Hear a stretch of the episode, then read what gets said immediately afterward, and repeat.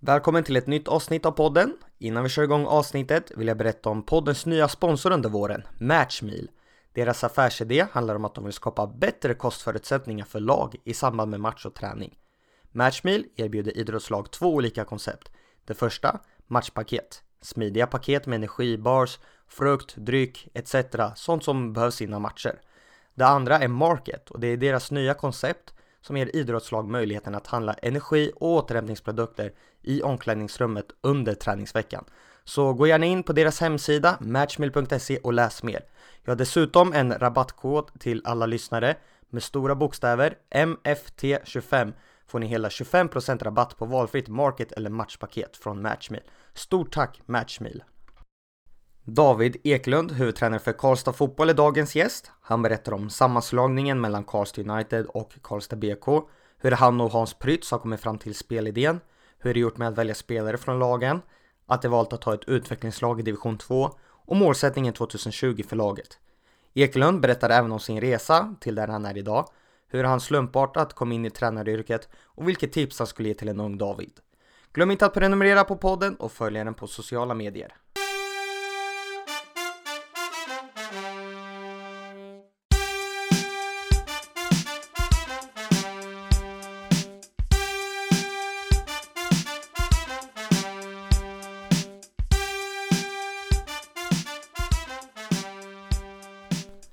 Ålder? 37. Familj? Sambo Paula och dotter Valentina. Snart tre år. Bor? Karlstad. Bästa spelaren du har tränat? Oh. Skulle nog säga, det är några stycken, men Erik Jernberg eh, och John Junior som jag hade 2018 som gick till Sirius efter det. Nu i Dalkurd. Eh, två av de bästa jag tränat. Favoritlag? Eh, Liverpool. Vad tror du om deras chanser att slå ut Atletico Madrid här efter en tuff första match i Champions League? Ja, jag tror att chanserna att vinna Premier League är ganska goda. Eh, nej, men jag tror nog att de vänder på det där faktiskt. Eh, Atletico släpper inte in så mycket mål eh, någon gång. Så att jag hoppas de kan få hål på dem, men vi får se. Det blir tufft. Förebild? Eh, ja, jag vet inte riktigt. Många olika. Eh, tänker vi Fotbollsmässigt så får man väl, eh, som säkert många andra gör också, säga Guardiola till exempel. Tycker han är rätt häftig och, och våga utmana sanningarna när han eh, kom som tränare och, och testa nya saker och det, det, är någonting jag gillar. Sen har jag en, en, en annan förebild jag eller haft med mig som tränare var en tränare jag hade i Hertsöga, Jonas Pettersson, som väl var den som fick upp mina ögon mycket för ett, eh, för ett ledarskap. Naturgräs eller konstgräs? Eh, det viktigaste är att underlaget är bra, men självklart föredrar jag naturgräs om den är bra. Kostym eller träningsoverall på match? ja, frågar min sambo så tycker han att jag borde, borde ha på mig kostym. Efter att ha sett Melke Allan i Linköping.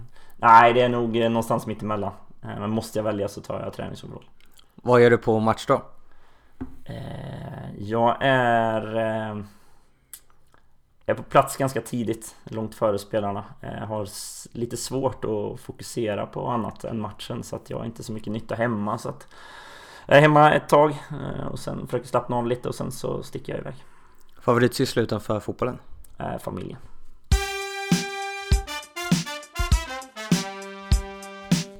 Vi sitter här hemma hos mig. Det är fredag, poddar förmiddag. Hur är läget med dig? Det är bra, solen skiner, det börjar närma sig vår och eh, bilresan hit var ganska lätt så att nej men det är bra. Har ni match i helgen? Nej, vi är eh, lediga den här helgen. Hur kommer det sig? Eh, vi har eh, varierat lite i år, vi har testat lite att ha lite mer matchblock skulle vi kunna säga. Där vi, förra veckan hade vi tre matcher på åtta dagar. Vilket är jättebra eh, för att kunna snurra på truppen och också då ha lite fler lediga helger för att kunna träna på bättre under veckorna. Får vi se om det i slutändan om det är bra eller dåligt, men vi testar år. Inför den här säsongen har du ju en ny titel, huvudtränare för Karlstad Fotboll. Hur är det? Titeln? Ja, det är bra. Det är spännande. Det är ett, eh, ett, eh, någonting nytt, så kan vi ju lugnt säga. Ehm, och jättekul att få med på den, den sammanslagningen och den, den idén man har på vad det är man vill göra. Inför det här året har ju Karlstad United och Karlstad BK då slagits ihop. Hur kommer det här sig att det har skett? Det var väl ganska oväntat kan jag väl säga. Alltså Karlstad United som jag var tränare i i fyra säsonger bildades ju 98 utifrån samma tanke att, att det var väl sju klubbar tror jag i, i Karlstad som ville gå ihop göra gemensam sak för att försöka nå elit, elitfotbollen. Dessvärre hoppade ju bland annat Karlstad BK och även FBK Karlstad som var väl en av de större föreningarna hoppade av i stort sett direkt och, och har kört sina egna race så att det fick ju inte det lyftet det, det ville riktigt eller ville, man ville från början. Men eh, det har väl gått här nu några år där det har varit mycket konkurrens eh, mellan Karlstad BK och Karlstad United och, och, man har väl tärt lite på varandra och jag tror att den konkurrensen också har trissat lite löner eh, vilket ju inte riktigt är eh, eh alltid är gynnsamt. Eh, så jag tror man kände att eh, redan förra året, för de här diskussionerna kom nog igång tidigare än, än vad man har gett sken av, tror jag. Eh, att det är nog kanske bättre att vi faktiskt eh, gör gemensam sak, inte bara för att nå elitfotbollen utan också för ungdomsfotbollen. Där det också fanns en hel del konkurrens och man spelade, spelade i ett lag ena året och ett annat lag nästa år och likadant med tränare, då var svårt att få kontinuitet. Så att eh, man ville nog samla kraft tror jag. Kan det även finnas något negativt med det här som du nämnde, att man trissar varandra lite och hela tiden vill vara bättre än grannen i stan? Ja, du tappar ju kanske en viss del av intresset. Alltså titta på vårt eh, vårderby, vi hade 3 500 åskådare. Eh, det hände ju inte i, i Karlstad på fotbollssidan då, när vi hade Hammarby i kuppen någon gång som då var i närheten av det. Men så det är klart att det har, när vi varit i samma serie 2019 så har det triggat intresset lite grann. Eh, men jag tror att de positiva effekterna är mycket större än, än det man tappar av att göra gemensam sak. Hur känner du som tränare i Karlstad United när det här blev aktuellt att slås ihop? Blev du orolig för vad som ska hända med dig och så vidare? Ja det är klart, det blir ju någonting eh, nytt. Sen samtidigt så här i efterhand så för mig var det...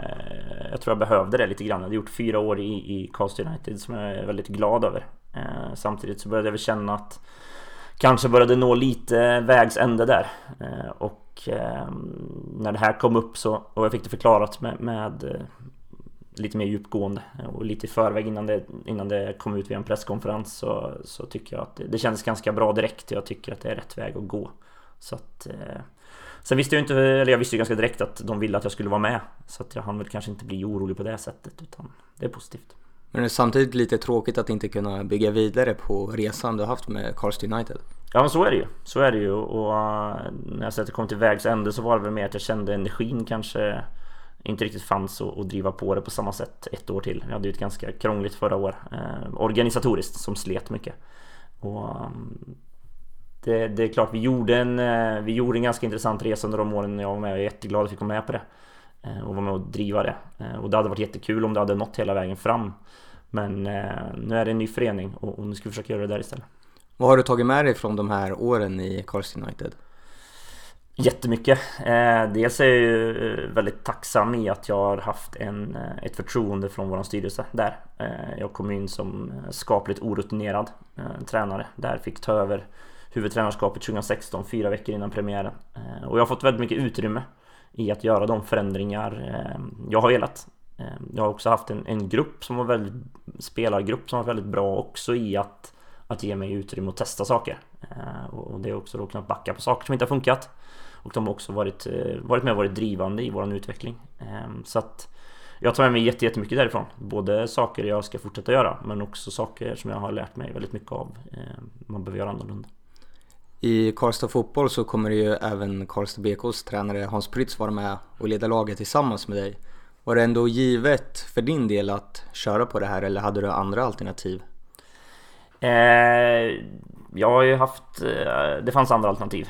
Ehm, men jag kände ganska tidigt när den här frågan kom att, att det, det var väldigt intressant och det ska mycket till för att jag ska nappa på någonting annat. Dels jag, jag har familj eh, och ska jag flytta för fotbollens skull så, så, behöver det ju vara någonting jag känner är en bättre utmaning eller på en högre nivå eller vad det var så att det är värt att, att, att, lyfta upp familjen och flytta också. Och, ehm, jag har fått en bra, hade fått en bra kontakt med Hans ehm, redan förra året Eh, via alla matcher vi hade mot varandra i, i, både i DM och i, i serien och kände väl att det kan vara lite intressant för det, det jag får förmånen att jobba med en tränare nu som eh, har ganska lång erfarenhet och det, det, har jag aldrig riktigt jobbat med någon förut. Eh, jag har haft duktiga tränare med mig, till exempel Ted Waltersson Larsson med förflutet i ÖSK som jag hade med mig i Karlstad United. Där, jätteduktig tränare. Men nu får jag jobba med någon som har både en spelarkarriär och en tränarkarriär under ganska lång tid. Han har väl två SM-guld som spelare och vunnit några serier som tränare. Och det ser jag också som jätteförmån och vi, vi, vi kom bra överens från början så att det blir ganska lätt beslut i, i slutändan. Hur började ni då att eh, prata om säsongen 2020? När satte ni ner för första gången att prata igenom hur struktur och spel och allt skulle se ut? Vi satte oss väl egentligen direkt efter att eh, säsongen var slut. Vi, vi, vi sa från början att vi spelade färdigt säsongerna. Eh, och sen så sätter vi oss ner och börjar diskutera. Och då satte vi oss egentligen vid, vid eh, Hans köksbord i hans lägenhet.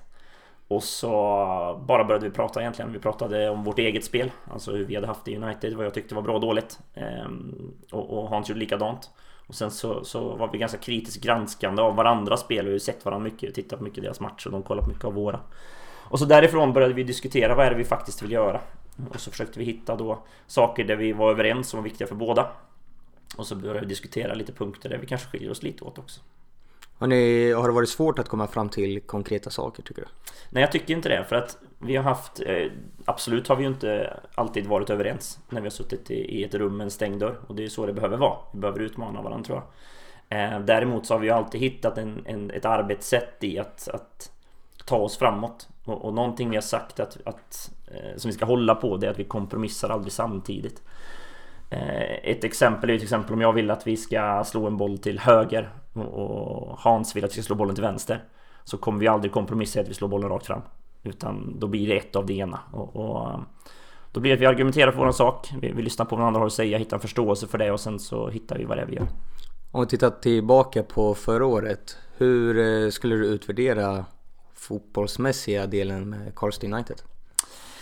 Ja, vi hade ju lite spelaromsättning som de flesta lag efter att vi blev trea 2018. Tappade ju eh, halva startelvan eh, och ersatte med väldigt bra spelare också såklart. Eh, gick in i serien som favoriter och det är väl egentligen första gången. Jag tror att vi alla andra år jag varit tränare så har vi varit tippad tiare neråt. Och nu går vi in och är, är seriefavoriter precis före Akropolis. Och det är ju en lärdom också i hur man agerar i det såklart men, men fotbollsmässigt jag tycker att vi eh, Vi tog oss framåt eh, Vi nådde inte riktigt ända fram eh, i tid tycker jag. Vi, vi vann lite matcher i början men det var liksom inte Det var inte för att vi, vi gjorde exakt det vi skulle utan det var mer att vi kanske hade bra spelare. Eh, och vi hade lite flyt också, vi hade ganska bra eh, effektivitet. Vi gjorde ganska mycket mål på få chanser. På tidigt på våren. Sen fick vi en skadeperiod där som var ganska tuff. Eh, där vi hade fyra, fem ganska tunga pjäser borta samtidigt under ehm, kanske fem, sex sista matcherna på våren. Och då hade vi väldigt, väldigt svårt att ta poäng. Eh, och vi halkade ganska långt efter eh, toppen. Sen tycker jag att vi lyfte oss igen under hösten och jag tror vi avslutade med väl åtta segrar sista tio matcherna. Eh, och hittade väl dit vi ville egentligen lite för sent. Så att eh, vi gör mycket bra grejer, sen är det saker vi absolut kunde ha gjort bättre och några saker vi borde ha gjort bättre. Taktiskt, hur eh, har ni sett ut? Ehm, om vi tänker på utgångspositioner eller formation så, så spelade vi förra året eh, 4-2-3-1 Vi spelade 3-5-2 3-4-3 Och vi spelade faktiskt 3-4-3 med en diamant på mitten en gång också. Eh, Vi var väldigt ombytliga Och det är väl någonting jag har jobbat med att vi ska kunna vara eh, också. Att vi ska vara så trygga i vårt spelsätt så vi ska klara av att ändra formation utifrån Dels vilka vi möter, vilka ytor vi blir åt men också vilka spelare vi har tillgängliga. Eh, förra året blev det lite för mycket eh, byten eh, Tycker jag. Och, och delvis var det triggat av att vi match till match så kunde det försvinna tre spelare. Eh, och, och vi hade ju, jag tror vi sista matchen BK Forward borta innan uppehållet så hade vi väl Jag tror vi hade tre spelare på bänken. Av olika anledningar, det var avstängningar, det var sjukdom, det var skador och det var allt möjligt. Och, och då blir det svårt att få en kontinuitet i det och när vi också då kanske ibland bytte lite för mycket i det så, så jag tror vi tappade lite vad ska man säga, självförtroende lite, lite grann. Det kan ha påverkat. Sen tror jag att vi i det långa loppet vann fler poäng än vad vi förlorade på att vara flexibla i, i, i spelsystemet. Hur hanterade spelarna det? Tyckte de det var svårt att skifta formation från match till match? Jag tror att, och det är också när jag har analyserat i efterhand såklart, när jag pratat med, med spelarna att de spelarna som har varit med mig under de här fyra åren, eh, eller flera av de fyra åren i alla fall, eh, de tog det ganska lätt eh, för att vi ändå jobbat väldigt mycket med att sätta ett eget spel som är ganska tydligt som ska vara lite oberoende av formationer. Sen såklart formationerna påverkar ju. Medan de som kanske kom in förra, gången, förra året hade nog lite svårare i det. Att man inte var van i det och, det är väl en läxa att, att kanske hålla ut lite mer i vissa formationer och inte, bli, inte byta för bytandets skull. Och det gjorde vi inte utan det var mer att vi behövde byta ibland. Men det tror jag att vi inte riktigt nådde ända fram med vissa spelare. Vad skulle du säga var som förändrades? Hade ni kvar alltid samma arbetssätt och principer? Ja, i grunden hade vi det. Eh, alltså vi ville ju skapa överlägen på ett visst sätt. Vi, vi, visste vilka spelvägar vi ville använda. Vi visste vad som var viktigt för oss i försvarsspelet. Eh, det var liksom inte så stora skillnader där utan det var mer att ja men det är klart, spelar vi 3-5-2 en match så ger det oss en viss förutsättning både i försvarsspelet och kanske eventuellt i kontringsspelet som exempel. Medan spelar vi eh, 4-2-3-1 så ger det andra förutsättningar, andra förflyttningar. Men grunden ska alltid vara ganska densamma och det skiljer vi ju på eh, vad ska vi kalla dem, eh, grundläggande principer som vi alltid ska ha med oss och kanske mer matchspecifika principer.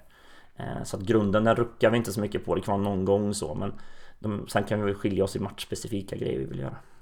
Hur mycket skiljer ni er eh, om man jämför med Karlstad BK som ni ska spela tillsammans med? Ja, spela tillsammans med är väl kanske lite, en liten överdrift. Det är ju jag tror det blev nu så om jag inte räknar fel i huvudet. Det är väl sju stycken från Karlstad BK och sju stycken från Karlstad United. Och det var inte så att det skulle vara eh, så av politiska skäl utan det blev så. Så att det är ju egentligen ett helt nytt lag, det ska vi ju komma ihåg. Men det var väl lite skillnader eh, i hur vi, spel, i hur vi spelade. Och en del i den skillnaden är väl också att jag som sagt fick ju vara i United i fyra år och, och, och förändra den truppen åt det hållet jag ville. Eh, Hans kom in i Karlstad BK relativt sent förra året i en, i en ganska färdig trupp och anpassade sitt spel eh, mycket utifrån vad han hade för spelare. Och då såg vi lite olika ut i spelet också. Hur har processen med spelarrekryteringen gått till? Den har varit ganska intensiv. Eh, vi satte oss, jag och Hans först eh, och diskuterade vilka, kanske inte direkt vilka spelare vi vill ha med, utan vad är det vi tycker är viktigt i de spelarna vi tar med oss. Och då kom vi ju fram till egentligen eh, två punkter. Den ena var ju givetvis att det ska vara duktiga fotbollsspelare. Så. Men det vi tryckte otroligt mycket på båda två, det var vi överens från början, det var ju att karaktären, det är ett väldigt luddigt uttryck, men, men för oss handlar det om spelare som sköter sig utanför fotbollen. Som brinner för att bli bättre, för att vara med och driva vår utveckling framåt. Det är de spelarna vi ska ha. Det innebär också att vi, vi fick säga tack och hej till några spelare eh, som var duktiga division 1-spelare men som kanske inte riktigt uppfyllde båda de här kriterierna. Och då valde vi att tacka nej. Och, och det är klart, det är lite tuffa beslut men våran, våran nya sportgrupp eh, var med oss från början på det här. För det, de hade ju haft lite samma tankar också i sammanslagningen att nu, nu ser vi till att göra någonting rätt från början. Sätt en miljö och en kultur i klubben.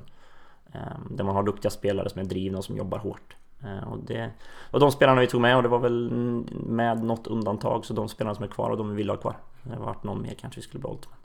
När det blev eh, klart med sammanslagningen, hur togs det emot av eh, spelartrupperna?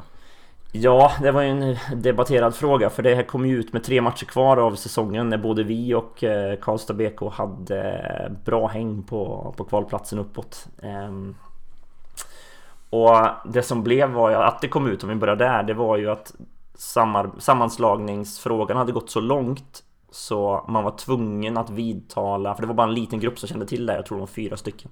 Så man var tvungen att ta det med respektive styrelse. Och tar du det med 20 personer till, då kommer det ut och då kände man att okej, okay, vi kan inte vänta med att ta det här eh, med styrelsen för då, då hinner vi inte göra det färdigt innan ett givet datum för Svenska Fotbollförbundet. Så vi måste ta det nu och då är det lika bra att vi förekommer informationen och går ut med det. Och jag och eh, Hans fick informationen några dagar innan det presenterades. Och jag tror det togs emot eh, Ehm, ganska olika. Ehm, vissa spelare eh, var ju typ så här, ja men vad roligt, jättekul, smart, bra grej liksom. Vissa spelare blev jätteoroliga, för de kanske kände att oj, har jag någon plats där? Och vissa spelare som, som kanske är spelare som Ta, ta eh, någon av dem som har varit i Const United sedan de var 14 ehm, Nu är de 24-25 och så plötsligt ska inte föreningen finnas kvar De kanske tog det på ett annat sätt och så helgen efter det här kom ut så spelade vi oavgjort borta mot Sylvia. Och eh, Karlstad BK förlorade om det var borta mot Boden eller någonting sånt där. Och då var det ju många eh, som tyckte att ja, det här var för att den här informationen kom ut.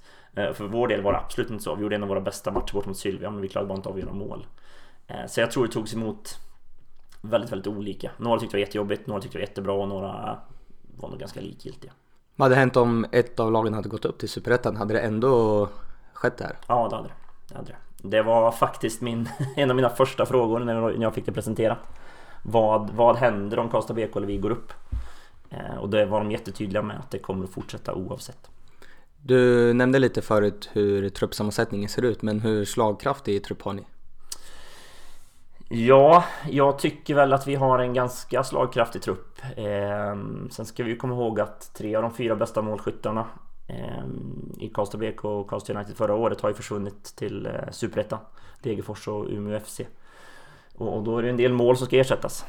Ehm, samtidigt så har vi ju en trupp som jag tycker är där även spelare, om man ska numrera dem kanske, det ska vi väl inte göra men eh, alltså spelare 14, 15, 16, 17 är också bra division 1 spelare Så vi har bra, vi, vi har en väldigt stark grupp Och det tror jag över tid kommer ge utslag i att vi vi kan, eh, vi kan stoppa in spelare i slutet av matchen och få Få bra effekt av det, det är tanken i alla fall Om vi backar bak bandet lite när vi pratar om det mer taktiska Hur långt har ni kommit i eran spelidé?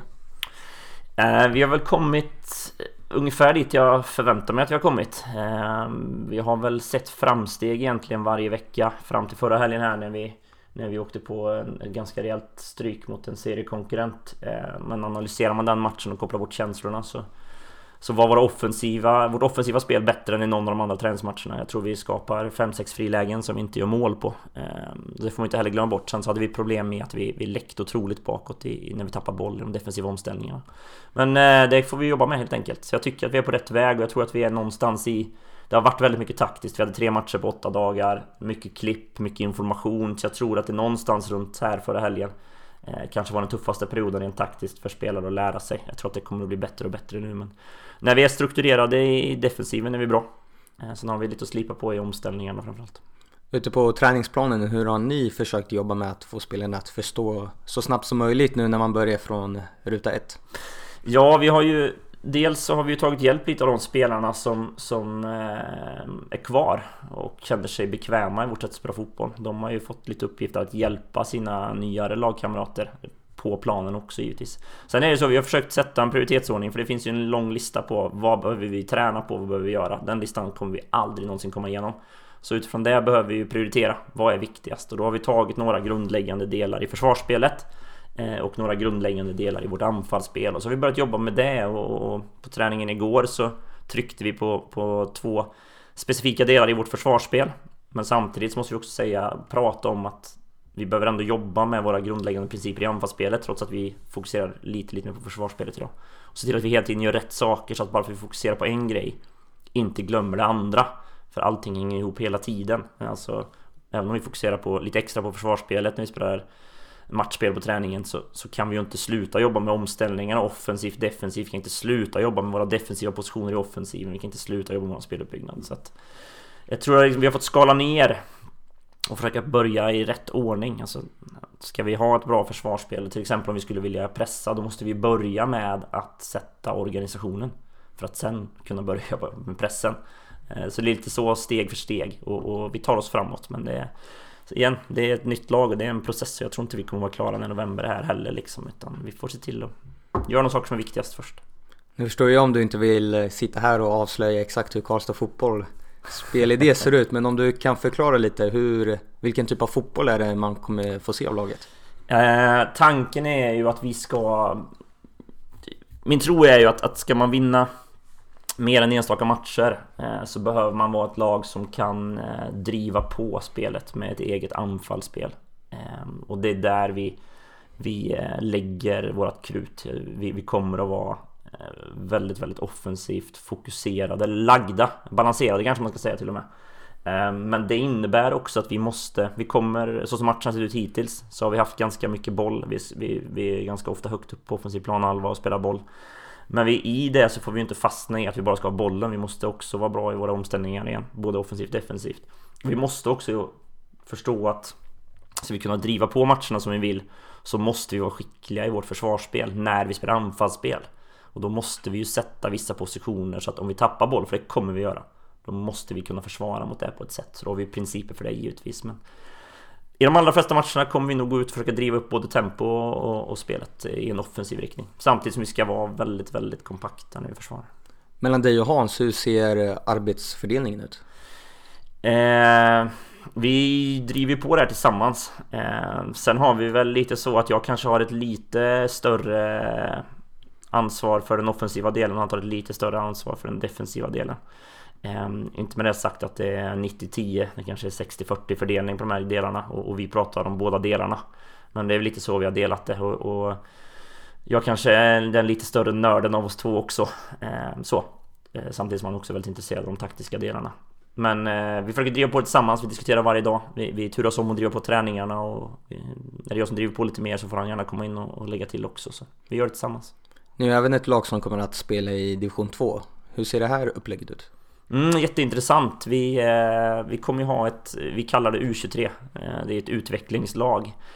Där hela tanken är att vi ska spela många unga spelare som ett bättre förberedelse för eh, i nuläget då division 1-spel, förhoppningsvis superettan-spel längre fram. Eh, än att bara gå direkt från U19, för det steget är väldigt, väldigt stort. Så att vi har ett lag nu i division 2 som tränas av eh, Jesper Svedlund som var U19-tränare i Karlstad United förra året, var med mig som assisterande i division 1 på hösten.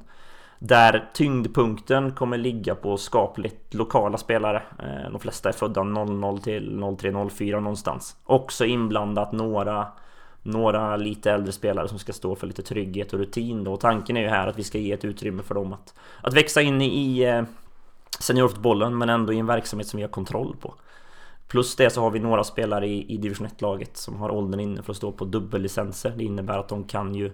Får de inte speltid i division 1 så kan de spela med division 2-laget. För också matchtid. Hur tror du på det här med att man får just spela en bra division 2-serie än att spela U21-matcher eller i ett U19-lag? Jag tror att det är, om vi orkar och klarar av att ha fokus på utvecklingen av spelarna så tror jag att det är jätte, jättenyttigt för att U21-serier är jättesvåra. Eh, dels så är det mycket veckomatcher, eh, våra spelare jobbar. Eh, så det finns en ekonomisk aspekt på att ska, ska vi spela en U21-match tisdag kväll borta mot Djurgården exempelvis, för att bara ta ett exempel. Då måste vi ersätta spelarna för förlorad arbetsinkomst, för de måste åka på dagen och det är sådana grejer i det. Sen är det också så här jag har märkt när man ser U21 att när man möter U21-lag borta så är ofta trupperna väldigt starka och sen så kan det komma ett rent juniorlag istället när man har hemmamatch. Och då blir matchkvaliteten lite upp och ner så att här tror jag att det blir, eh, jag tror det här blir bättre faktiskt. Kommer ni ha någon liknande spelidé för att förenkla steget mellan de här två lagen? Ja, spelidén i division 2 kommer ju vara lite utifrån vad det är vi vill göra, hela verksamheten, vad det är för typ av spelare vi vill få fram. Ehm, samtidigt så tycker inte jag, och så kommer det inte vara heller, att division 2 ska spegla division 1-laget. För att det kan ju rent krasst vara så att vi spelar på ett sätt och sen så får jag och, jag och Prytz lämna här i, i maj. Ska division 2 lägga om sin verksamhet då för att det kommer in en tränare med någonting annat? Nej, det tycker inte jag, utan där är det mer så här, det är klart att det är bra om det finns ganska lika principer Eh, sen måste det inte vara identiskt. Vi ska utbilda spelare där. Då är det som är fokus. Hur mycket suktar Karlstad-fotbollen efter spel på elitnivå tror du? Ja, alltså Karlstad-fotbollen som sådan gör det väldigt mycket. Eh, och det kan vi ju se jätteroligt. Alltså näringslivet har ju verkligen slutit upp bakom den här satsningen. Och många har ju gått in med, med eh, större sponsringsbelopp i år än vad de gjort tidigare. Just utifrån att det har blivit en sammanslagning. Och sen visade vi ju där, eller syntes ju när vi hade derby att det finns ju ett fotbollsintresse eh, i stan. Dessvärre så är det ju många som, som tycker att ja men gå upp i Superettan så kommer jag och kollar. Vi skulle behöva att de kommer och kollar nu. Så, för att öka på intresset. Men de som är engagerade i fotbollen är ju väldigt sugna på att det här ska bli av. Alltså. På tal om sponsorer så har det hänt en liten rolig historia om eran tröja. Du kan ju berätta om den. Ja, fantastiskt roligt. Vi, vi har haft ett jättetryck på sponsorerna som sagt och, och väldigt många som vill synas på matchtröjan och det har ju resulterat i att vi har ganska många sponsorer på matchtröjan. Eh, och det är ju någonting vi tycker är otroligt positivt att, att man vill betala för att synas tillsammans med oss. Så la vi ut den eh, eh tröjan på för någon vecka sedan på våra sociala medier att så här kommer matchtröjan se ut och då blev det ju en del eh, diskussioner på vår Facebook-sida och på Twitter om, om tröjan att det var mycket reklam. Många tyckte det var jättebra och några tyckte väl att det inte var så bra och så vidare. Man har ju sina åsikter. Och det här snappades då upp av eh, och skickades vidare i sociala medievärlden. Eh, så att det snappades upp av en fransk fotbollssida med drygt 300 000 följare på Twitter. Som började skriva om våran tröja och det blev mycket snack där. Och sen så spreds det till Sky Sport i Tyskland. Ehm, så att det har ju blivit jättestort och det stod väl med i Expressen idag. Eh, så att vi har fått en otrolig exponering och sett från våra sponsorers sida så är de nog ganska nöjda över det. Och det är ganska roligt. Sen så är det klart att om, om, man kan ju tycka vad man vill om varför den sprids om, ifall några, om den görs för att man tycker att det är fult eller om man tycker det är roligt eller vad det nu må vara. Det spelar egentligen ingen roll utan det är en rätt häftig grej. Och vi har ju faktiskt fått eh, Fått lite mail från till vår marknadsavdelning från ja, människor i Tyskland och Frankrike som har sett tröjan och vill köpa ett exemplar. Så att eh, det här är någonting vi tycker är jätte, jättekul såklart oavsett vad anledningen är. Får ni hoppas att de kommer att titta på matchen också så det kommer lite mer publik. Från Tyskland, jajamän, de ska chartra ett plan tror jag. Man kommer till Tingvalla IP för att se på fin fotboll. Vilken målsättning har ni för året? Eh, vi har inte satt målsättningen tillsammans med, eh, med spelarna ännu. Det är någonting de måste vara engagerade i. Eh, från, från klubbens sida så är det klart att vi har en målsättning att ta oss upp i Superettan till att börja med. Därmed inte sagt att det måste göras i år, för man har ändå respekt för att det är någonting nytt vi gör. Även om vi, vi såklart har, har bra förutsättningar. Både det vi tränar och också fått en ganska bra trupp. Sen så är det klart att, att vi vill vi vill ju ta oss uppåt och det är klart att alla spelarna frågar mina spelare så vill de gå upp i Superettan i år. Ehm, och det är klart att jag också vill det och det är det vi jobbar mot. Men jag tycker liksom inte att det är det relevanta. Det är det viktiga att man har ett mål och det må vara Superettan och jobba mot. Men det viktiga är ju att man bryter ner det. Okej, okay, för att vi ska ta oss dit. Hur gör vi faktiskt det? För det är det vi måste fokusera på, inte vad vi säger att vi vill uppnå liksom. Så att Eh, vi vill, eh, vi vill vara med där uppe och slåss i toppen. Ehm, och så ska vi på sikt ta oss uppåt och sker det i år så gör det det jättebra. Gör det inte det så kanske gör det nästa år. Vilka tror du kommer vara era största utmaningar under året? Andra lag menar du eller? Eller utmaningar inom? Inom Karlstad. Inom Karlstad. Alltså jag tror att vi, vi dels så har vi, vi har ju förmånen av väldigt många bra spelare. Många av de här spelarna är ju vana att faktiskt spela Eh, Eh, ganska mycket varje vecka och så kommer det inte se ut. Det är 11 spelare som startar varje match. Eh, tre till som mest som kan komma in. Det innebär att det är många spelare som inte får komma in som som eh, är vana att spela. Och där tror jag vi har en utmaning i att, att de ändå känner att, att vi är en grupp tillsammans. Eller jag, jag är inte så orolig för den utmaningen, men det kan vara en utmaning ska jag säga. Att, att vi orkar, oavsett om jag inte får riktigt den rollen jag vill just nu. Driv på träningar, driv på dig själv och se till att vi vinner fotbollsmatcher.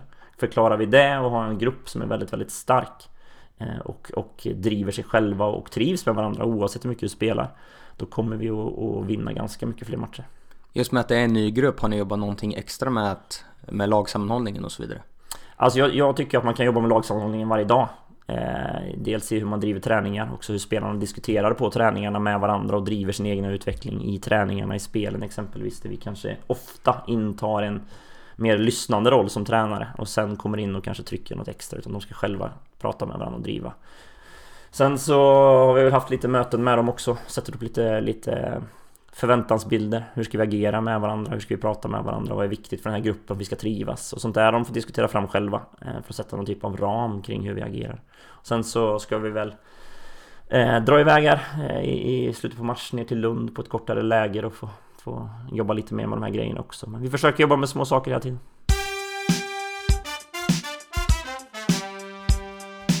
Om du skulle beskriva dig själv som fotbollstränare, vad tycker du är viktigt?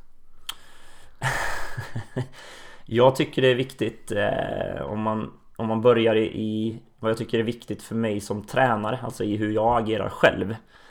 Så tycker jag det är väldigt viktigt med att man eh, Att jag vågar vara, vara, tydlig med vad jag står för. Eh, samtidigt som jag också vågar släppa in eh, spelarna mycket.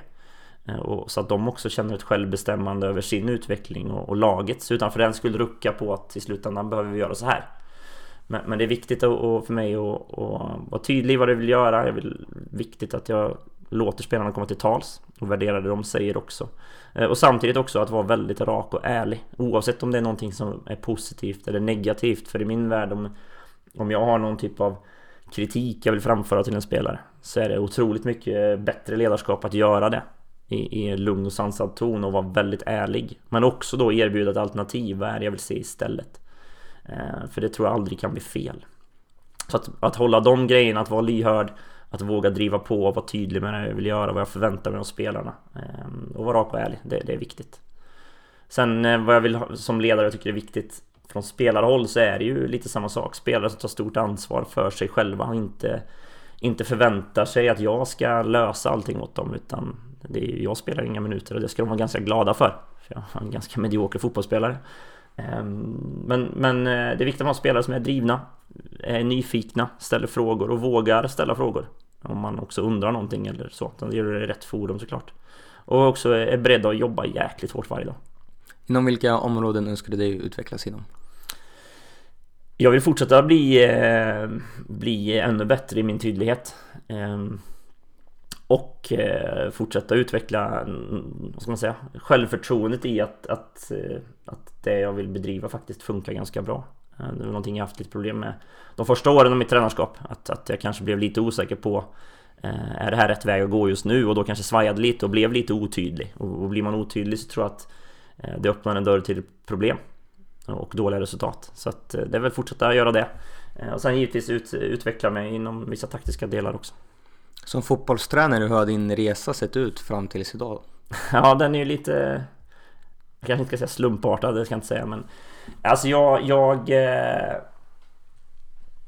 jag hade ju egentligen inga som helst tankar på att bli fotbollstränare eh, tills för några år sedan. Eh, jag blev intjatad av min dåvarande tränare Jonas Pettersson där som jag nämnde tidigare i Hertsöga BK. Jag tror vi spelade i division 4 eller 5 då att bli distriktsförbundskapten för Värmlands pojkar 96 och det förstod jag i efterhand. Det var ju för att de hade ju ingen annan som ville ha jobbet. Ehm, så det hoppade jag på som en kul grej medan jag spelade fotboll själv och tyckte det var roligt att hålla på där och harva i, i fyran som vi var i mest. Ehm, och tyckte det var ganska roligt att vara tränare. Men jag hade väl verksamhet var åttonde vecka kanske en dag. Så att det var väl ingenting jag la ner. När jag var där så var jag seriös och la ner, det var jätteroligt men däremellan var det ju inget tränarjobb på det sättet. Ehm, i alla fall inte då. Eh, det kanske är nu men... men. Slutade med det 2012 eh, och så tänkte jag, då hade precis fyllt 30 äh, Jag ska spela fotboll ett tag till. Och så hade jag inga tankar på att bli tränare överhuvudtaget. Och så fick jag ett telefonsamtal i december 2012 av eh, Två eh, kompisar från, eh, som jag växte upp med. Eh, Lisa Mellberg och Therese Lyckner, två tidigare duktiga fotbollsspelare i, Som hade gjort både damallsvenskan och, och division 1 som det var då. En hel del matcher. Eh, de hade blivit tillfrågade av eh, Kubik eh, Ett damlag i Karlstad som skulle spela i den nybildade Elitettan Om de ville eh, bli tränare där. Och då tyckte de att, eh, att jag borde haka på det där. Och, och, då gjorde jag lite som jag gör vissa gånger i mitt liv. Jag funderar, gör en väldigt kort konsekvensanalys och sen sa jag ja utan att veta vad jag egentligen gav mig in på. Så 2013 så var jag helt plötsligt eh, tränare i, i Elitettan och så var jag där i tre år, eh, lyckades väl eh, stärka upp den verksamheten och få den lite framåt. Vi hängde kvar tre år i Elitettan och förbättrade oss väl positionsmässigt något hack varje år. Eh, vilket ju fick ses som, som lyckat, ett väldigt ungt lag, eh, framförallt de första åren. Ehm, 2016 blev jag värvad till eh, Karlstad United som assisterande tränare, vilket jag tyckte passade väldigt bra. Jag hade ett civilt jobb jag trivdes väldigt bra med, och tog mycket tid. Och jag såg fram emot att, att få vara assisterande. För jag ville jobba med någon som Varken jag, Lisa eller Therese hade ju någon, någon tränarerfarenhet innan. Vilket nog märktes några gånger kan jag säga. Men eh, jag såg fram emot att få jobba med någon mer erfaren. Eh, så jag tackade ja till det och tyckte att det passade bra. Eh, sen funkade inte det. Eh, den tränaren riktigt med gruppen. Så en månad innan eh, premiären 2016 så blev jag ombedd att ta över huvudtränarskapet. Och det tackade jag ja till. Och eh, ja, Sen så var jag där fram till nu. Tiden i kubik, hur var den? Den var otroligt lärorik. Ehm, jag kom ju in egentligen, visst jag hade det där distriktsförbundskaptensuppdraget men, men det var ju ganska enkelt uppdrag. Ehm, kom in i en verksamhet som, som hade ganska stora strukturella problem. Ehm, det, jag tror var mitten på januari där så hade vi väl tre spelare på kontrakt och de var väl 16 och 17 år gamla.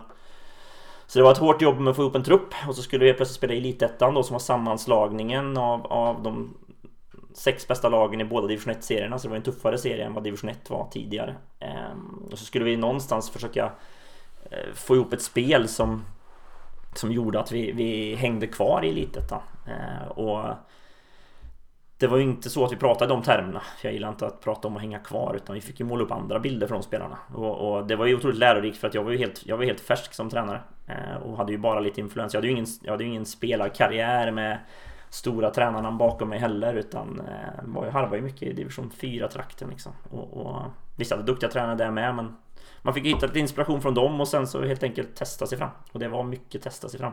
Eh, och det, där gick jag fel några gånger. Eh, både i min kommunikation med spelaren, vi pratade om det med tydlighet och så också. Eh, men också eh, i lite grejer där jag kanske hade lite för bråttom. Och, och, så att de tre åren var... Jag lärde mig väldigt mycket om mig själv, så kan man ju säga. Och, och jag, de tre åren är jag väldigt tacksam för. Vilket tips skulle du ge till en ung fotbollstränare David idag? Eh, du tycker inte jag är ung eh, idag eller? Eh, nej men eh, jag skulle nog, eh, det är lite det jag pratat om, att, att eh, våga tro lite mer på vad det är jag vill göra. och faktiskt stå, stå för det. Inte att jag ändrade mig mycket förut men jag vågade kanske inte riktigt trycka på på samma sätt. Och, och just det här igen, jag har sagt det tre gånger nu, tydligheten. Jag tycker att det är A och O liksom. Vad är det vi, vad är vi förväntas göra och varför? Och, och jag skulle nog ha önskat att jag hade lite mer eh, skinn på näsan där så att säga. Vilken tränare skulle du vilja lyssna på i podden? Oj. Eh... Ja det, det finns väldigt många. Jag skulle tycka det var ganska roligt att lyssna på Björn Hamberg. Eh, assisterande till Potter i Brighton. För det är lite så han Jag känner ju han via utbildningar jag har gått. Eh, jag tycker han är väldigt intressant eh, kille att lyssna på. Han, han eh, nu är det mycket skriverier om, om Östersund och, och, ehm, hur det har gått till där och så. Och, och, om man lägger bort det så har ju Östersund gjort en, en ganska intressant resa från, från lägerserie till att man, man spelar mot Arsenal på Highbury. Eh, och, eller vad heter det, Emirates heter han kanske nu för tiden. Eh, och han har varit med på den resan. Från lägedivisioner ända dit och sen har han följt med Potter bort till eh, till England för Swansea under Brighton och jag tror att han har en ganska intressant historia att berätta så det är kul att lyssna på. Stort tack David att du tog dig tid och lycka till 2020. Tack för att vi fick komma.